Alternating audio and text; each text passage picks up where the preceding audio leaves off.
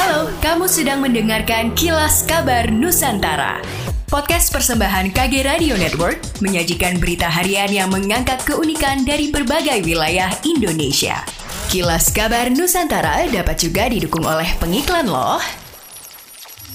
Kementerian Agama Kantor Wilayah Provinsi Sumatera Selatan membuka pendaftaran panitia penyelenggara ibadah haji atau PPIH Kloter dan PPIH Arab Saudi tahun 1444 Hijriah atau 2023. Pendaftaran PPIH Kloter atau PPIH Arab Saudi 2023 dilakukan di bidang penyelenggara haji dan umroh Kanwil Kementerian Agama Sumatera Selatan mulai dari 6 sampai 13 Januari mendatang. Tes tahap pertama akan dilaksanakan di Gedung Pusat Informasi Haji di Jalan Kolonel Haji Bardian kilometer 10 pada 17 Januari 2023. Pelaksanaan tes menggunakan model Computer Access Test atau CAT. Maka peserta yang diusulkan harus memiliki kemampuan mengoperasikan komputer dan penguasaan HP berbasis Android atau iOS. Ekspor Sulawesi Selatan menunjukkan tren positif selama tahun 2022. Nilai ekspor Sulawesi Selatan melampaui target hingga hampir 150 persen. Kepala Dinas Perdagangan Sulawesi Selatan Andi Arwin Aziz mengatakan target ekspor 2022 sebesar 1,5 miliar dolar Amerika, namun berhasil dicapai 2,3 miliar dolar Amerika atau senilai lebih dari 34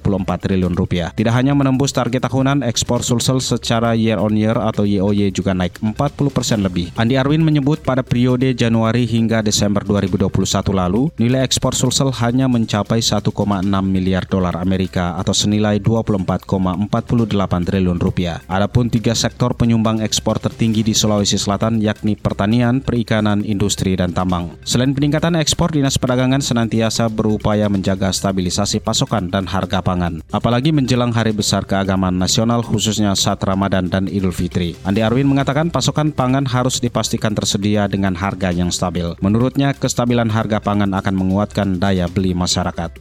Demikianlah kilas kabar Nusantara pagi ini.